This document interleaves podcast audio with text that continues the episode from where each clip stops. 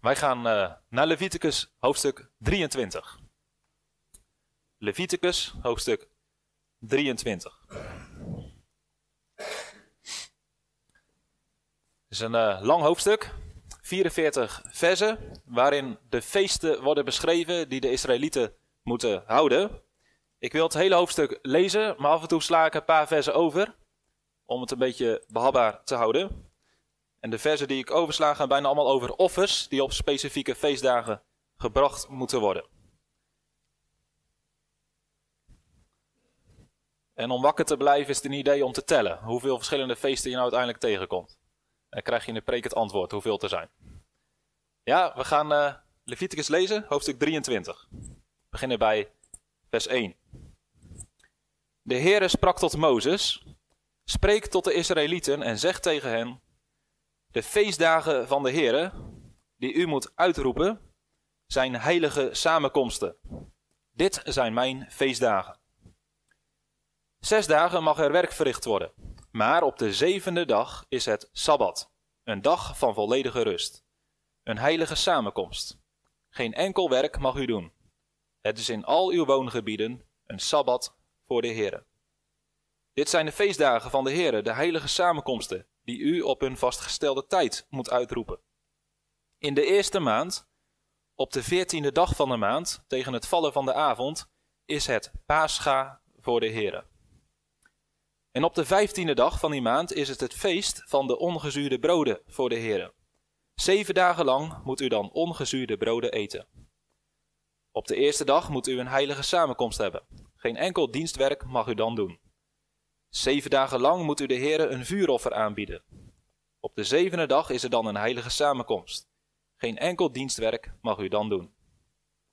De Heere sprak tot Mozes, spreek tot de Israëlieten en zegt tegen hen, Wanneer u in het land komt dat ik u geven zal, en u de oogst ervan binnenhaalt, dan moet u de eerste schoof van uw oogst naar de priester brengen. Hij moet de schoof voor het aangezicht van de Heere bewegen, opdat hij een welgevallen in u vindt. Op de dag na de Sabbat moet de priester de schoof bewegen. En dan springen we naar vers 15. U moet dan vanaf de dag na de Sabbat gaan tellen. Vanaf de dag dat u de schoof van het beweegoffer gebracht hebt, zeven volle weken zullen het zijn. Tot de dag na de zevende Sabbat moet u vijftig dagen tellen. Dan moet u de Heere een nieuw graanoffer aanbieden. Uit uw woongebieden moet u twee broden meebrengen, bestemd voor een beweegoffer. Zij moeten van twee tiende eva meelbloem zijn, met zuurdeeg gebakken. Het zijn de eerstelingen voor de Heere. En dan naar vers 23. De Heere sprak tot Mozes, spreek tot de Israëlieten en zeg, in de zevende maand, op de eerste dag van de maand, moet u een rustdag houden. Een gedenkdag aangekondigd door bazuinige schal. Een heilige samenkomst. U mag geen enkel dienstwerk doen en u moet de Heere een vuuroffer aanbieden. De Heere sprak tot Mozes, alleen op de tiende dag van deze zevende maand is de verzoendag. U moet een heilige samenkomst houden, u moet uzelf dan verootmoedigen en de Heere een vuuroffer aanbieden. Dezelfde dag mag u geen enkel werk doen, want het is de verzoendag om voor het aangezicht van de Heere uw God verzoening voor u te doen. En dan gaan we naar vers 33. De Heere sprak tot Mozes, spreek tot de Israëlieten en zeg, vanaf de vijftiende van deze zevende maand is het zeventien, zeven dagen lang loofhuttenfeest voor de Heere. Op de eerste dag is er een heilige samenkomst, geen enkel dienstwerk mag u doen. Zeven dagen lang moet u de Heere vuuroffers aanbieden. Op de achtste dag moet u een heilige samenkomst houden en de Heere een vuuroffer aanbieden. Het is een bijzondere samenkomst. U mag geen enkel dienstwerk doen. Dit zijn de feestdagen van de Heere, die u moet uitroepen als heilige samenkomsten. Om een vuuroffer voor de Heere aan te bieden, brandoffer en graanoffer, slachtoffer en plengoffers, al naar gelang het voorschrift voor die bepaalde dag. Naast de offers op de sabbatten van de Heere, naast uw geschenken, naast al uw geloftoffers, en naast al uw vrijwillige gaven die u aan de Heere geeft. Maar vanaf de vijftiende dag van de zevende maand, wanneer u de opbrengst van het land ingezameld hebt, moet u het feest van de Heere zeven dagen lang vieren. Op de eerste dag is het rustdag en op de achtste dag is het rustdag. Op de eerste dag moet u voor uzelf vruchten van sierlijke bomen maken. Van sierlijke bomen, takken van palmbomen, takken van loofbomen en van beekwilgen nemen. U moet zich zeven dagen lang voor het aangezicht van de Heere, uw God, verblijden. Dat feest voor de Heere moet u per jaar zeven dagen lang vieren. Het is een eeuwige verordening, al uw generaties door. In de zevende maand moet u het vieren. Zeven dagen moet u in de loofhutten wonen. Alle ingezetenen van Israël moeten in loofhutten wonen. Zodat de generaties na u weten dat ik de Israëlieten in loofhutten liet wonen, toen ik hen uit het land Egypte geleid heb. Ik ben de Heere, uw God. Zo maakte Mozes de feestdagen van de Heere aan de Israëlieten bekend. Tot zover de schriftlezing. Is het gelukt om te tellen? We gaan uh, nadenken over al deze feesten. En ik heb gekozen als thema feestdagen, heilige tijden om God te ontmoeten. Het woord wat in het Hebreeuws staat voor feestdagen komt van een woord wat eigenlijk betekent een tijd om te ontmoeten. Dus een tijd om God te ontmoeten. Dus de feestdagen zijn heilige tijden om God te ontmoeten. In Leviticus komen we heel vaak de zin tegen: Ik, de Heere uw God, ben heilig. En we hebben een paar weken geleden ontdekt wat dat woord heilig betekent. God is heilig in die zin dat hij uniek is. Dat hij onderscheiden is van de schepping. Dus je hebt enerzijds God de schepper, hij is heilig. En aan de andere kant heb je alles wat God gemaakt heeft, wat dus onheilig is. We hebben toen ook gezien dat God dat wat bij de schepping hoort, wat in zichzelf onheilig is, kan heiligen. Dat betekent dat God het een status geeft, apart zet om bij Hem te horen, om Hem te dienen. We hebben in die zin gezien dat wij als mensen heilig kunnen worden. God kan ons heiligen. Dat Hij ons apart zet om bij Hem te horen, om Hem te dienen. In de Torah, in Leviticus, geldt dit voor het volk Israël. Zij zijn door God een heilig volk geworden. Zij zijn apart gezet van de andere volken om bij Hem te horen. We hebben in Leviticus ook gezien dat er sprake is van heilige plaatsen. Dus de tabernakel was een geheiligde plek. Binnen het voorhof mochten alleen de Israëlieten komen. En in de tabernakel zelf mochten alleen de priesters en levieten komen. Het waren geheiligde plaatsen, plekken die bij God hoorden, voor hem apart gezet waren. Dus we hebben een heilige God, we hebben heilige personen, we hebben heilige plaatsen. En vanmorgen voegen we daar heilige tijden aan toe. De eerste keer dat er in de Bijbel wordt gesproken over iets wat geheiligd wordt, gaat over een tijd. Dat staat al in Genesis 2, een hele bekende zin denk ik. Er staat in Genesis 2, vers 3: God zegende de zevende dag en heiligde die. Want daarop rustte God van al zijn werk dat God schiep door het te maken. En deze dag van rust wordt daarom de Sabbat genoemd. Dus God zegt, we hebben zeven dagen. En één van die zeven dagen, die heilig ik. Die geef ik een aparte status om bij mij te horen. Die moet staan in het teken van het dienen van mij. Een heilige dag. Nou, in Leviticus 23 is dat het eerste feest wat wordt genoemd. Dus Leviticus 23, vers 2 staat: Dit zijn mijn feestdagen. Dubbele punt. En dan staat in vers 3: Het eerste feest. Zes dagen mag er werk verricht worden. Maar op de zevende dag is het sabbat een dag van volledige rust. Dus de sabbat, elke week weer, is de eerste feestdag die God aan het volk geeft. Daarnaast heeft God door heel het jaar heen nog meer heilige tijden uitgekozen. Vastgestelde tijden, momenten waarop het volk feesten moet gaan vieren. En al die feesten, die denken terug aan een bijzondere gebeurtenis van het volk Israël. Dat ze bevrijd zijn uit Egypte, dat ze door de woestijn zijn geleid. Historische, belangrijke momenten. En die zijn zo belangrijk dat ze elk jaar die weer moeten herinneren. En door die feesten te houden, door die gebeurtenis te herinneren, wordt hun identiteit als volk versterkt. En worden ze daar weer bewust van, wat het betekent om Israëliet te zijn, om te horen bij het volk van God. Zo werken ook onze feestdagen. Wij hebben christelijke feestdagen. We beginnen met de adventstijd, dan krijg je kerst. En we zitten nu in de leiderstijd, we werken toe naar Pasen. en naar Pinksteren.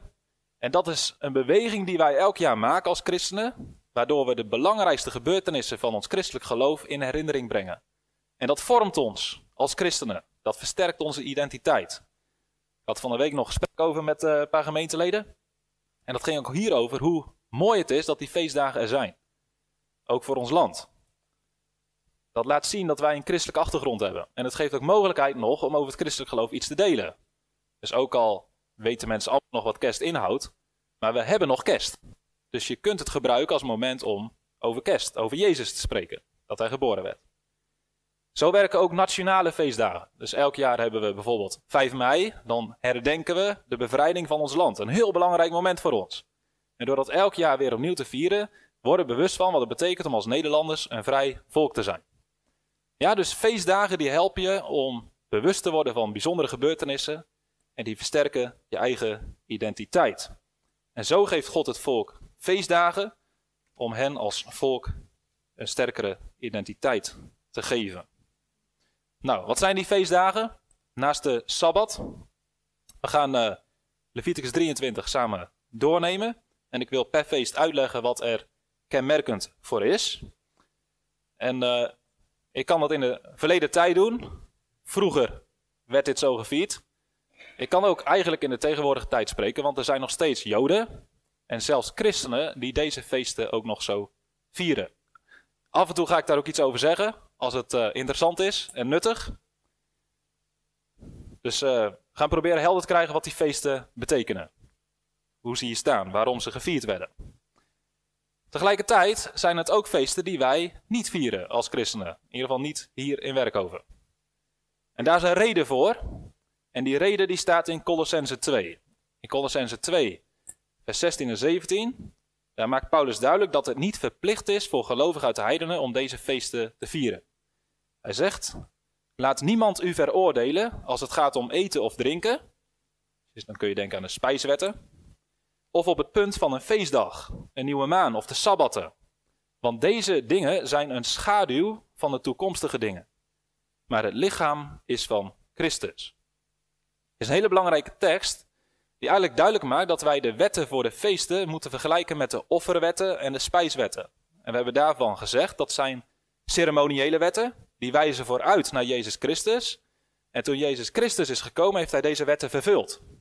En dat is de reden dat wij ze niet meer zo hoeven te houden. Wij zijn niet verplicht om deze wetten na te leven onder het nieuwe verbond. Maar wat dus heel belangrijk is, is om te zien hoe ze vooruitwijzen naar Jezus Christus. Dus het zijn schaduwzaken die vooruitwijzen naar Jezus. En vanmorgen is een van de belangrijkste vragen: hoe wijzen de feesten vooruit naar Jezus Christus? Hoe heeft Jezus Christus de feesten vervuld? En bij sommige feesten, aan het begin is het heel makkelijk om te zeggen. Bij latere feesten wordt het uh, iets lastiger. Maar we gaan proberen op deze manier door Leviticus 23 heen te gaan. Dus eerst kijken. Wat waren dit voor feesten? Hoe vieren de Joden dat? En vervolgens, hoe heeft Jezus Christus die feesten vervuld? Nou, de feesten zijn uh, verdeeld met name over twee maanden. In de eerste maand is er een groep feesten en in de zevende maand is er een groep feesten. Die eerste maand is de maand Abib. En wat een beetje verwarrend is, is dat wel dat de eerste maand is van het religieuze jaar, maar het is niet de eerste maand van de Joodse kalender. En uh, dat kun je vergelijken met hoe wij dat in de kerk hebben. Wij hebben in de kerk, ik weet niet of jullie dat weten, maar we hebben ook een kerkelijk jaar. En dat kerkelijk jaar, dat begint niet op 1 januari. Het kerkelijk jaar, dat begint met Advent. Dus de eerste zondag van december. Dus 3 december dit jaar begint het kerkelijk jaar. En dat kerkelijk jaar, dat volgt de feesten van de christelijke feestkalender. En de eerste maand van ons gewone jaar, dat is januari. Nou, zo hebben de Joden dat ook. De eerste maand, de maand Abib, dat is wel de eerste maand van de feestkalender. Maar het is niet de eerste maand van de Joodse kalender. En dat zul je straks nog een keer terug horen in de preek.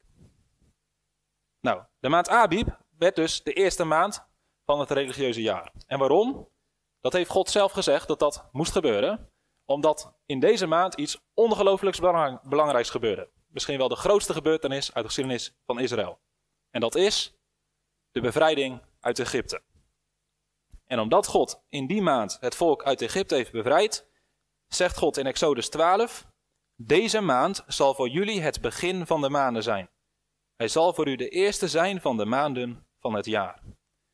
En er wordt in dat hoofdstuk uitvoerig verteld dat ze in, dat, in die maand, op de veertiende dag van de maand, het Pascha moeten vieren. Nou, in Leviticus 23 gaat daar maar één vers over. In Leviticus 23, vers 5 wordt dit feest genoemd. In de eerste maand, op de veertiende dag van de maand, tegen het vallen van de avond, is het Pascha voor de Heren. Het is opvallend dat er maar één zin staat, terwijl andere feesten veel uitgebreider worden verteld. Ik denk dat dit komt omdat dit feest uitvoerig is behandeld in Exodus 12. Daar kun je precies lezen wat er met dit feest allemaal moest gebeuren. Het belangrijkste bij dit feest was dus het slachten van het paaslam. En dat moest gegeten worden samen met bittere kruiden en met ongezuurde broden. En die bittere kruiden die wezen terug naar de verdrukking in Egypte, de ellende die ze daar hadden gehad. En elke keer als het Pascha vierde, dan moest dat verhaal van de slavernij en de uittocht verteld worden. Dan moesten ze dat als het ware opnieuw beleven. Het was een avond vol symboliek, waar ze eigenlijk zich voorstelden alsof ze weer slaven in Egypte waren en de God daaruit werden bevrijd. Het is heel makkelijk bij dit feest om te zien hoe dit vooruitwijst naar Jezus Christus. Paulus die schrijft in 1 Korinthe 5 letterlijk: Ons paaslam is voor ons geslacht, dubbele punt, Christus. Ja, dus het paascha, waar een lam werd geslacht, dat bloed dat was nodig om de engel van het verderf langs te laten gaan. Dat paaslam dat wijst naar Jezus Christus. En hij is gestorven aan het kruis, zijn bloed is gestort, zodat de toorn van God aan ons voorbij gaat, zodat wij gespaard worden, zodat wij gered worden. Daarom heeft Jezus, op het moment dat het paascha was, tijdens de paasmaaltijd, heeft Jezus het avondmaal ingesteld. En toen heeft hij gezegd, het brood dat we hier breken, ja, dan kun je terugdenken aan Egypte, het brood van de ellende, maar denk vooral aan mij, aan mijn lichaam dat voor jullie gebroken wordt. En die drinkbeker, die we altijd schenken, die doet ook terugdenken aan Egypte. Maar ik wil dat vanaf nu dat jullie bij deze beker niet denken aan Egypte, maar aan mijn bloed, dat voor jullie vergoten wordt. Dus het paascha is vervuld in Jezus Christus. En zoals Israël ooit slaven waren in Egypte, zo mogen wij vieren dat wij slaven waren van de zonde, van de duivel. Maar dat Jezus Christus ons daaruit heeft verlost, zodat we God mogen dienen. Wij vieren niet het paascha, maar wij hebben wel een ander feest dat hiervoor in de plek is gekomen. En dat is Goede Vrijdag. Dat is het feest dat wij hebben om te gedenken, om te vieren dat het paaslam voor ons is geslacht. Nou, we hebben nu twee feesten gehad. We gaan naar de derde. Direct na het paascha moet het volgende feest gevierd worden. En dat staat in Leviticus 23 vanaf vers 6. Op de vijftiende dag van de maand is het feest van de ongezuurde broden voor de Heer. Zeven dagen lang moet u ongezuurde broden eten. Men at uh, zeven dagen lang matzes. En matzes, dat zijn platte broden. En ze zijn plat omdat ze niet gerezen zijn. En die broden, die zijn plat, die zijn ongezuurd, die hebben twee betekenissen. Het wordt het brood van ellende genoemd. En dat doet terugdenken aan een moeilijke tijd in Egypte. Het wordt ook het brood van bevrijding genoemd. En dat wijst meer op het haastige vertrek uit Egypte. Ze moesten zo snel vertrekken dat het geen tijd was om het brood te laten reizen. Dus ze aten platte brood. En dat is meer de positieve kant. Dus de nadruk op de bevrijding. En zeven dagen lang eet men dus ongezuurde broden en verblijdt men zich erover dat God hen uit Egypte heeft bevrijd. Paulus heeft dit feest in gedachten als hij het volgende schrijft in 1 Korinthe 5. Weten jullie dat een klein beetje zuurdeeg het hele deeg doorzuurt? Verwijder dan het oude zuurdeeg, opdat u een nieuw deeg zult zijn. U bent immers ongezuurd, want ook ons paaslam is voor ons geslacht, Christus. Laten wij dus feest vieren, niet met oud zuurdeeg en ook niet met zuurdeeg van slechtheid en boosaardigheid, maar met ongezuurde broden van oprechtheid en waarheid. Paulus denkt aan dit feest bij deze woorden. En wat zegt hij eigenlijk? Je moet dat zuurdesem vergelijken met de zonde.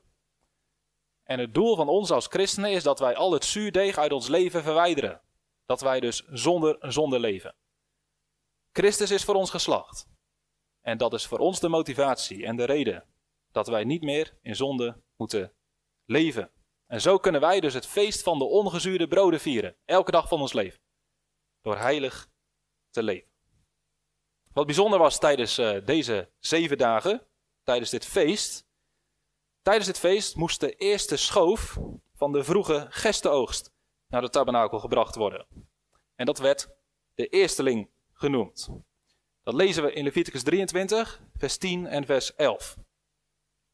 Spreek tot de Israëlieten, zeg tegen hen, wanneer u in het land komt dat ik u geven zal en u de oogst ervan binnenhaalt, dan moet u de eerste schoof van uw oogst naar de priester brengen.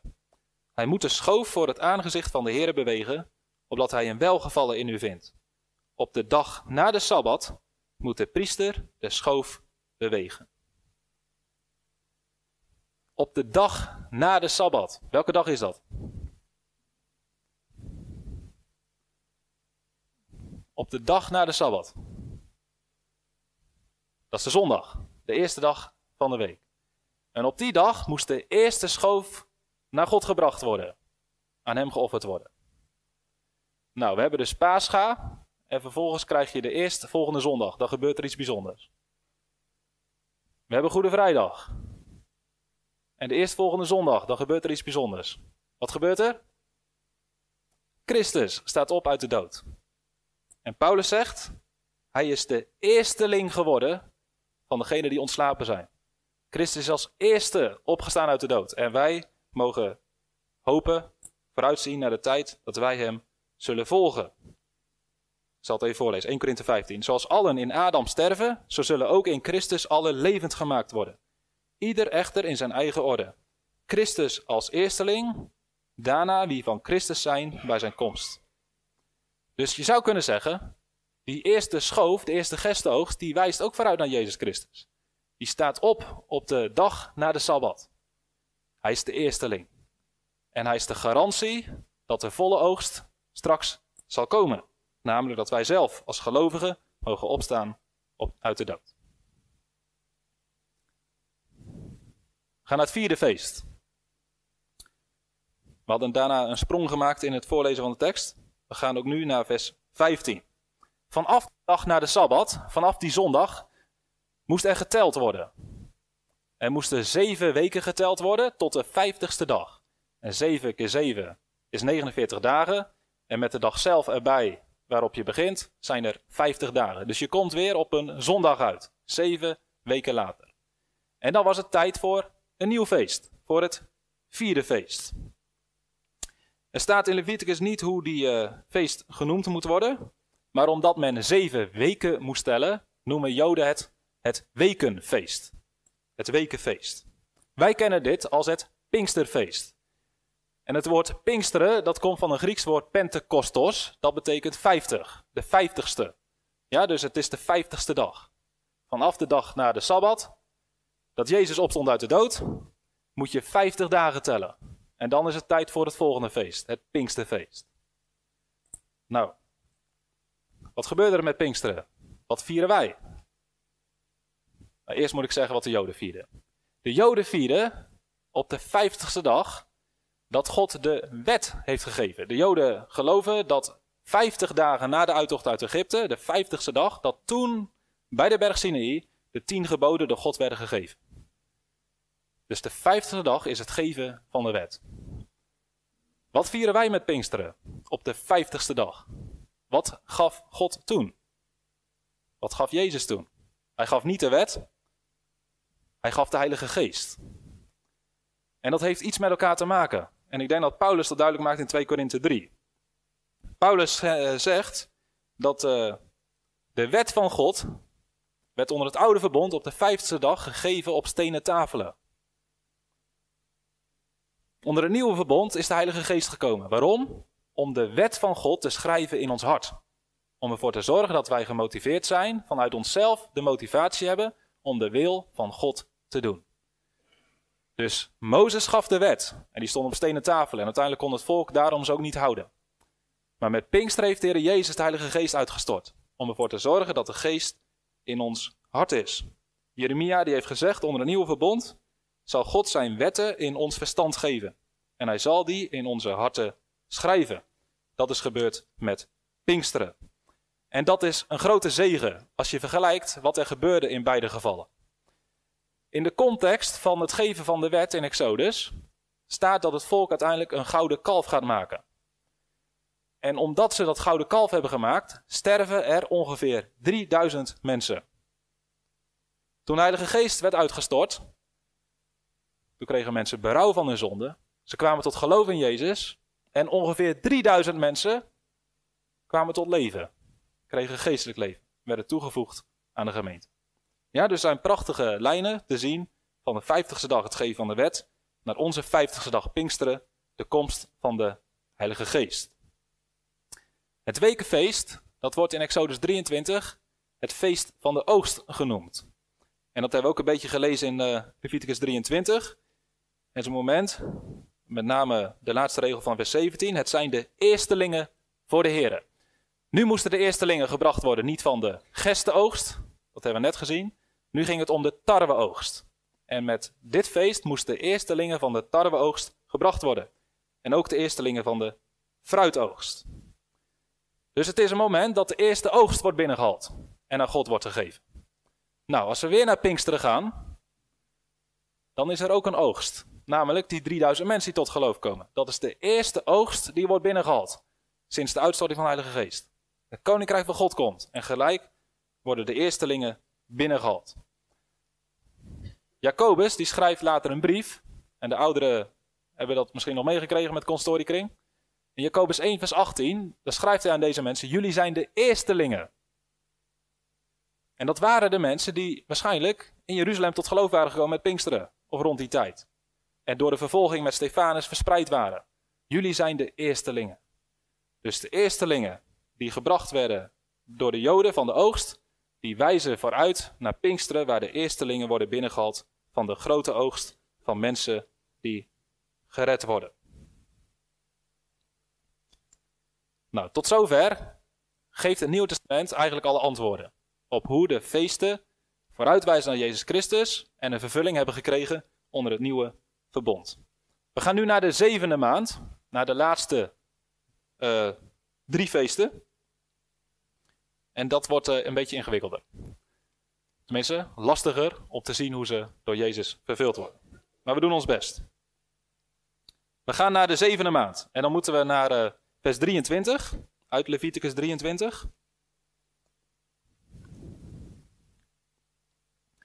Dus daar gaat uh, God opnieuw spreken tot Mozes.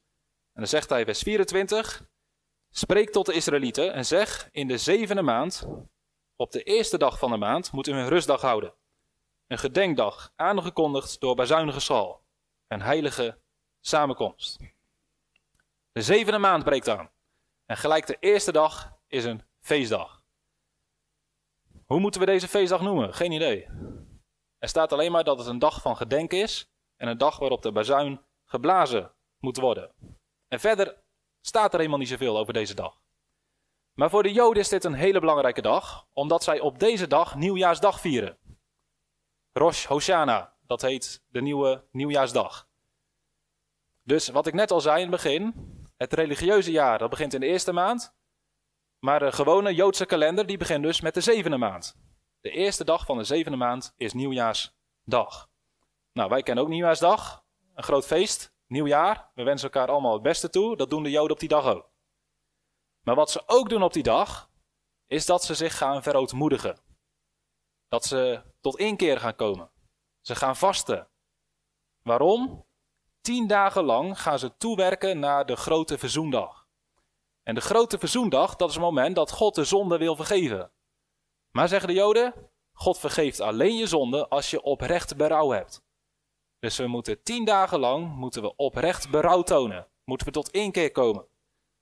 Uiteindelijk is dat de manier waarop God de vergeving zal willen geven. Nou, dat, de eerste dag begint dus daar al mee. En ik heb gelezen dat ze dan uh, op die dag gemiddeld uh, diensten hebben die 4,5 uur duren. Ja, 4,5 uur. Wij hebben diensten van uh, een uur en een kwartier, soms anderhalf uur. En dan houdt het wel op. 4,5 uur. En de synagogen, de shuls, zitten dan overvol. Dus het is een heel belangrijke dag waarop de Joden dus echt zich richten op God. Maar nu komt de lastige vraag. Hoe wijst deze dag vooruit naar Jezus Christus? Nou, in het Nieuw Testament, ik kan in ieder geval niet iets vinden, en misschien kunnen jullie mij helpen. Dan mag je van de week me mailen of bellen of wat dan ook. Dat zou ik waarderen. Maar uh, ik kan niet ergens vinden dat je ziet, Jezus heeft dit feest vervuld. Dat betekent dus dat dit feest niet vervuld wordt door Jezus. Of er is nog een optie, dat dit feest nog vervuld gaat worden. En daar is wel mogelijk een uh, tekst uh, of meerdere teksten die daarop wijzen. Kenmerkend voor deze dag is dat de bazuinen geblazen moeten worden. En als je in het Nieuw Testament gaat zoeken naar teksten die zeggen over een dag waarop de bazuinen gaan klinken, dan is dat iets wat nog gaat gebeuren, namelijk bij de terugkomst van de Heer Jezus. De tweede keer dat hij naar de aarde zal komen. Dat staat in 1 Thessalonicense 4, vers 16 bijvoorbeeld. Dan zegt Paulus, de Heer zelf zal met een geroep, met de stem van een aartsengel en met een bazuin van God neerdalen uit de hemel. De doden die in Christus zijn, zullen eerst opstaan. En als dat een juiste lijn is, dat betekent dus dat we nu naar de zevende maand gaan en misschien moeten denken aan dingen die nog vervuld gaan worden door Jezus Christus. De eerste feest heeft hij vervuld. Pascha, Goede Vrijdag. We hebben het wekenfeest gezien naar Pinksteren. Toen is Jezus teruggegaan naar de hemel. En nu? Nou, straks komt hij terug. En dan gaat de bezuin straks klinken. En dan zal hij wellicht deze feestdag gaan vervullen. We gaan naar de zesde feest. Dat is grote verzoendag. Staat in vers 27. Alleen op de tiende dag van de zevende maand is de verzoendag. U moet een heilige samenkomst houden. Hier heb ik net al naar verwezen. De grote verzoendag, de tiende dag, de dag waarop God de zonde van het volk wil vergeven. Waarop hij verzoening wil doen. We hebben het hier pas over gehad toen we het avondmaal hebben gevierd. Toen hebben we Leviticus 16 gelezen. En toen hebben we, het thema van de preek was volgens mij van Grote Verzoendag naar Goede Vrijdag. Dus op de Grote Verzoendag mocht de hoge priester het enige keer de tabernakel naar binnen gaan, zelfs in het heilige der heiligen komen. En moest hij verzoening doen door bloed voor zichzelf, voor het volk en voor de tabernakel. En dat wijst vooruit naar Jezus Christus, naar het offer wat hij heeft gebracht. Hij is ons zondoffer, onze zondebok. Hij heeft de zonde op zich genomen om ons met God te verzoenen. Dit is een dag voor de Joden die eigenlijk de belangrijkste is van het hele jaar. Dit is de meest heilige dag. En uh, deze hele dag zitten ze in de synagoge. Als morgens 9 uur tot uh, zonsondergang brengen de meeste Joden in de synagoge door. En er wordt heel veel gebeden. En in die gebeden wordt er zondebeleidenis gedaan. En uh, wellicht komt dit voort uit dat idee van die zondebok. Want er stond dat de Aaron zijn handen op de zondebok moest leggen en dan alle zonden moest noemen van het volk. Nou, ik heb daar al over nagedacht. Ik denk, hoe kun je alle zonden nou benoemen? Waar moet je beginnen, waar kun je stoppen? Nou, dat is dus ook een hele lijst. Want er is dus een bladzijde lange aaneenschakeling die ze dan voorlezen van alle mogelijke overtredingen, tekortkomingen, misstappen en omschrijvingen van menselijk falen. En uh, elke zin die begint al met de woorden: Wij vragen vergeving voor de zonde die wij tegenover u gedaan hebben door. En dan wordt er iets genoemd. En dat gaat bladzijde, bladzijde, bladzijde lang door. En uh, dan las ik dus daarbij, er wordt gezegd, ja, er is natuurlijk niemand die daar zit die al die zonden heeft gedaan. Maar daar zeggen ze tegelijkertijd bij, maar er is ook niemand die er zit die niet één van al die zonden heeft gedaan. Ja, dus alle zonden hebben sommigen wel gedaan. Dus we noemen ze allemaal, wij beleiden ze voor God om vergeving te krijgen. Wat ik ook leuk vond om te lezen is dat men s'morgens in de synagoge op die dag Leviticus 16 leest. Dat is logisch, over de grote verzoendag. Smiddags leest men Leviticus 18. En dit is precies wat wij hebben gedaan met de avondmaalsviering. Uh, S'morgens lazen wij Leviticus 16 en s'avonds lazen we Leviticus 18. Dat was niet bewust, maar ik vond het wel grappig. Ja, dus op die dag, standaard, s'morgens lezen Leviticus 16 en dan uh, smiddags Leviticus 18. Nou, op een gegeven moment, ook aan die dag komt een einde. Het loopt naar de climax toe. Aan het eind dan zegt uh, iedereen die in de synagoge is, vol overgave, de geloofsbeleidenis uit. Hoor Israël, de Heer onze God, de Heer is één. En dan klinkt er een lange shofarstoot, een soort bezuin, een. En dat is dan het einde van de dienst. En dan gaat iedereen vrolijk naar huis. Want ze hebben tien dagen lang zich verootmoedigd. Ze hebben zonde beleden. En nu mogen ze erop vertrouwen dat God hun zonde ook heeft vergeven. De grote verzoendag wijst dus vooruit naar Goede Vrijdag. Naar het offer wat Jezus heeft gebracht. Het bloed wat hij heeft gestort. Maar dat was maar een deel van de vervulling. Want de priester moest niet alleen offers brengen. Er was niet alleen bloed nodig. Dat bloed dat moest vervolgens in de tabernakel gebracht worden. Jezus heeft zijn bloed gestort op Golgotha. Maar dat bloed van hem, dat moest nog in de tabernakel gebracht worden. En dan zegt de Hebreeën schrijver niet in de tabernakel, de letterlijke tabernakel die door mens is gemaakt. Nee, in de hemel zelf. Dus het was nodig dat Jezus met zijn offer naar de hemelse tabernakel ging. Dat is een andere feestdag die wij vieren. Hemelvaart. Dus met hemelvaart vieren we eigenlijk ook iets wat met Yom Kippur, met de grote verzoendag, werd voorafgebeeld. De priester die naar binnen gaat, de hemel binnen, de tabernakel binnen. De priester was dan binnen en het volk stond nog buiten te wachten op het moment dat de priester weer naar buiten zou komen. En op het moment dat de priester naar buiten zou komen, dan zou hij het volk de zegen van God geven. Nou, Jezus is nu nog in de hemel. En wij staan nog buiten hier op aarde te wachten. Maar er komt een moment dat Jezus weer uit de hemel terug zal komen. Dat hij uit de tabernakel komt om ons te zegenen. Je zou kunnen zeggen, een deel van deze grote verzoendag is vervuld in Goede Vrijdag en Hemelvaart. Maar een stukje van de grote verzoendag moet ook nog vervuld gaan worden. En dat gaat pas gebeuren als Jezus terugkomt uit de hemel.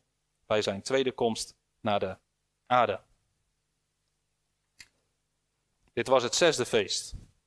We gaan nu naar het laatste feest. Het zevende feest. Ik weet niet of jullie goed geteld hebben. Zeven feesten. En het woord zeven komt heel veel voor in Leviticus 23. Met name bij het zevende feest. Er wordt heel tijd 7, 7, 7, 7, 7 zeggen. En dat is niet voor niks. 7 is een belangrijk getal, het getal van de voleinding, van de volheid. Dus in de zevende maand moet het zevende feest gevierd worden, wat zeven dagen lang moet duren. Ja, dat is niet voor niks. En wat is dat feest? Het Loofhuttenfeest. Nou, dat feest, dat uh, herinnert zich dat ze als volk door de woestijn heen trokken. Dat ze in hutjes moesten wonen onder een open hemel. En dat God voor hen zorgde. God heeft hen beschermd in de moeilijke tocht door de woestijn heen. Hij heeft hen voorzien van eten, van drinken, van kleding. Hij heeft hen bewaard voor de dood. En elk jaar moet het volk dat in herinnering brengen. Zeven dagen lang moeten ze in hutjes wonen. En het belangrijkste is, maakt niet uit hoe je hutje eruit ziet, maar uh, als je naar boven kijkt, dan moet je de sterrenhemel kunnen zien. Leven onder een open hemel, onder de zorg, bescherming van God. Er staat in Leviticus 23, vers 40, waar die hut van gemaakt moet worden. Op de eerste dag moet u voor uzelf vruchten van sierlijke bomen, takken van palmbomen, takken van loofbomen en van beekwilgen nemen. U moet zich zeven dagen lang voor het aangezicht van de Heer, uw God, verblijden. Omdat de hut van deze dingen wordt gemaakt, van dingen van bomen, worden dus loofhutten genoemd. Hutten van loof. Ik kwam ergens iets tegen, dat vond ik nog wel heel interessant. Er staat dat die vruchten van sierlijke bomen moeten komen. Van bomen die er sierlijk uitzien, die er goed uitzien. En er moet ook van beekwilgen. En er staat van bomen die aan een stroom van water staan. En ik las ergens, dat doet terugdenken aan de Hof in Ede. Waar je dus goed uitziende bomen had. En waar bomen stonden aan een stroom van rivieren. Aan stromen van water. En mogelijk, door deze hutten op deze manier te bouwen, moest het volk ook terugdenken aan het leven in de Hof in Ede. Ze hadden als het ware een stukje ervaring van hoe het was om in de Hof in Ede te wonen. In de nabijheid God. En dat is natuurlijk niet gek dat er dan vervolgens staat, die zeven dagen lang moet je je verblijden voor het aangezicht van de Heer. Zeven dagen blijdschap, omdat je dicht bij de Heer mag wonen. Nou, Loofhuttenfeest kom je het Nieuw Testament ook niet meer tegen. Tenminste, het wordt nog door Jezus gevierd. In Johannes eh, lezen we dat. Maar verder, hoe is dit feest vervuld in Jezus? Of gaat dit feest ook nog vervuld worden in Jezus Christus? Nou, als we die lijn volhouden, dat de feesten in de zevende maand nog niet vervuld zijn, maar nog vervuld gaan worden, dan zouden we dat bij Lofuttefeest ook kunnen zeggen. En mogelijk moeten we dan ook denken aan een tekst uit Zacharia. En uh, ik vind het heel lastig hoe, hoe, dit allemaal precies zit. Maar uh, dit, in Zacharia, dan gaat het ook over de eindtijd. Dat Jezus terug zal komen op de Olijfberg. En dan staat er dat hij als koning zal regeren over heel de aarde. En vervolgens, dan staat er dat als hij als koning zal regeren over de aarde, dat het Loofhuttenfeest gevierd zal worden. Ik ga uh, twee teksten voorlezen. Er staat in Leviticus, of uh, in Zacharia 14 vers 9. De Heere zal koning worden over heel de aarde. Op die dag zal de Heere de enige zijn en zijn naam de enige. En dan staat er in vers 16: Het zal geschieden dat al de overgeblevenen van de heidevolken die tegen Jeruzalem zijn opgerukt, van jaar tot jaar zullen opgaan om zich neer te buigen voor de koning, de Heere van de legermachten, en om het Loofhuttenfeest te vieren. Nou, er zijn christenen die dit heel letterlijk nemen, dus Jezus komt straks terug, dan komt er een vrederijk, en in dat vrederijk dan zullen de volken zullen naar Jeruzalem gaan om een Loofhuttenfeest te vieren. Nou, ik weet niet precies hoe dat allemaal zal gaan, maar ik denk wel dat het juist is om te denken aan de wederkomst van Jezus. Dat het Loofhuttenfeest dan ook iets is wat een bijzondere vervulling gaat krijgen. En hoe precies, dat weet ik niet. Er is nog een reden om te denken aan de wederkomst. En dat uh, is het laatste wat ik ga zeggen. Het Loofhuttenfeest wordt ook het feest van de inzameling genoemd. Het moest het feest zijn wat gevierd werd nadat de laatste oogst was binnengehad. Dus uh, we hebben gezien dat Pascha en het wekenfeest de eerstelingen van, waren van de oogst. Aan het begin van het jaar, in de eerste maand. In de zevende maand wordt het laatste feest gevierd. En dat is na de laatste oogst. Jezus die heeft het ook over een oogst in Matthäus 13. En dan zegt hij: De oogst is de voleinding van de wereld. Straks zal Jezus de engelen, de maaiers, uitzenden om de laatste oogst binnen te gaan halen. Dan zegt Jezus: Het onkruid zal in bossen gebonden worden om het met vuur te verbranden. Dat zijn de ongelovigen. Maar de tarwe zal gebracht worden in mijn schuur. En dat zijn gelovigen. De oogst is als de laatste mensen tot geloof en bekering zijn gekomen. Als de engelen terugkomen om uiteindelijk de voleinding van de wereld te laten komen. Nou, we hebben zeven feesten gehad. En uh, we hebben het gedaan vanuit de gedachte dat Paulus zegt: ze zijn een schaduw van de toekomstige dingen. Ze wijzen vooruit naar Jezus Christus. Sommige feesten zijn heel duidelijk vervuld in Jezus Christus. Is de reden ook dat we ze niet meer vieren, een andere manier invulling geven. En andere feesten lijken nog niet vervuld te zijn. En we zien uit naar de tweede komst van Jezus Christus. Dat Hij alles zal vervullen. En Jezus zegt over de wederkomst, in elk geval, hoe het ook zal gaan, wees bereid en wees waakzaam. En als je bereid bent en waakzaam, dan zal de wederkomst van Jezus een eeuwig feest zijn, waar we ons eeuwig voor Gods aangezicht mogen verblijden. Amen.